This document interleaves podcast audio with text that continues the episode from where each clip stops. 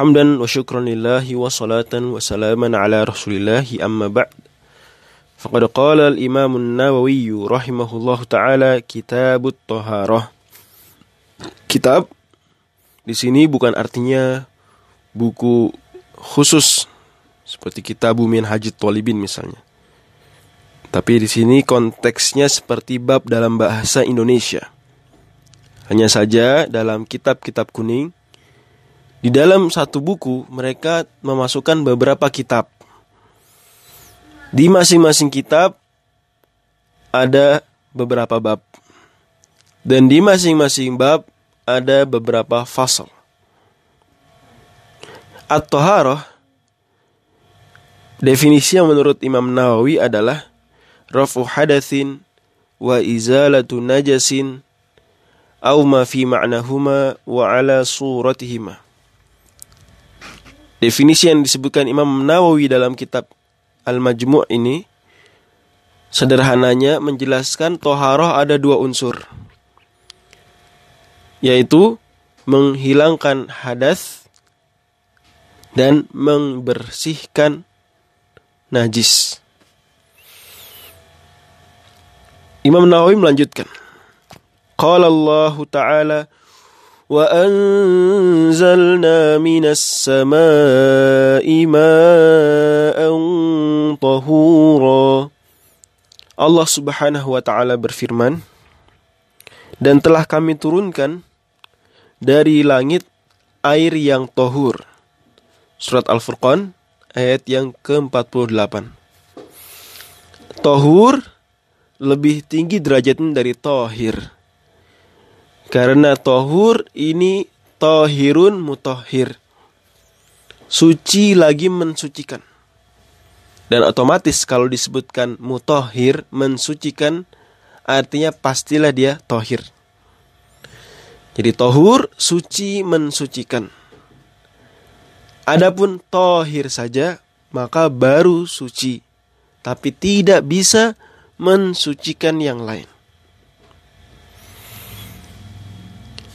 Imam Nawawi melanjutkan, Yushtaratu li raf'il hadathi wan najasi ma'un mutlak.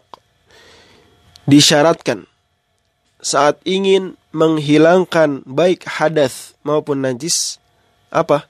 Penggunaan air mutlak. Ma'un mutlak sederhananya air murni.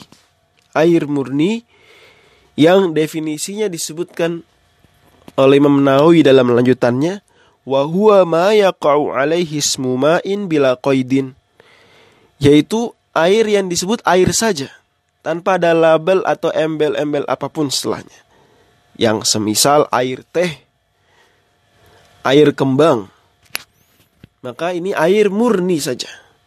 Adapun embel-embel seperti air laut air sungai air hujan maka tidak mengapa.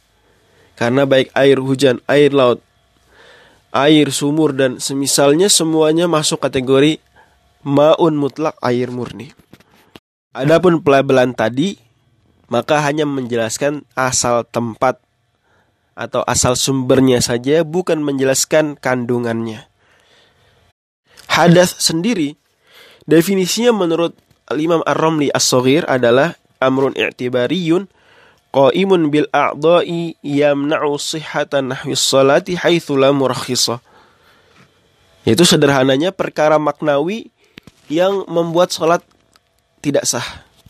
Itu hadas. Contohnya mohon maaf, keluar angin dari dubur. Akramakumullah. Ini orang yang melakukan itu kemudian sholat, sholatnya tidak sah. Padahal tidak ada yang terlihat dari tubuhnya. Itu perkara maknawi saja. Adapun najis, an najas di sini masdarnya, an najis adalah sifat musyabahnya, adalah mustaqdarun yamna'u sihhata nahwi sholati haitsu la murakhis. Adalah perkara atau hal kotor yang menghalangi sahnya sholat sederhananya seperti itu. Berarti bedanya antara hadas dengan najis kalau hadas tidak terlihat, najis terlihat seperti mohon maaf air kencing misalnya. Terlihat. Nah, untuk menghilangkan baik hadas maupun najis disyaratkan harus menggunakan air murni, air mutlak.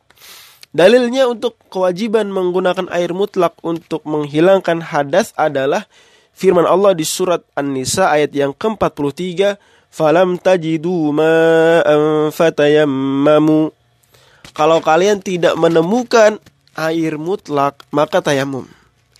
Wajahu dalalahnya, sisi pendalilannya adalah andai ada zat lain, cairan lain selain dari air murni yang bisa menghilangkan hadas, pastilah Allah Subhanahu wa taala akan memerintahkan menggunakan itu dulu sebelum memerintahkan tayamum. Harusnya kalau kalian tidak menemukan air murni, sok pakai air teh, air kembang saja. Tapi tidak Allah langsung perintahkan tayamum. Artinya menggunakan air teh, air kembang dan semisalnya yang bukan air mutlak tidak sah untuk menghilangkan hadas. Dan menghilangkan hadas baru sah itu dengan air murni adalah ijma' seluruh ulama. Sementara dalil bahwasanya menghilangkan najis baru sah kalau menggunakan air mutlak, air murni adalah sabda Nabi Shallallahu Alaihi Wasallam dalam kisah Arabi orang Arab dusun Badawi nomaden yang mohon maaf membuang uh, air kecilnya di Masjid Nabawi Nabi sabdakan subu alaihi dhanuban min ma. Siramkan kepada tempat yang terkotori tersebut seember dari air murni, air mutlak. Saat itu air murni sulit didapatkan di jazirah Arab. Maka tatkala Nabi justru tidak eman-eman menggunakan air mutlak untuk membersihkan najis, artinya memang harus menggunakan air mutlak kalau bisa menggunakan air lain, pastilah Nabi berhemat air mutlak dan menggunakan air lain. Wallahu alam bisawab.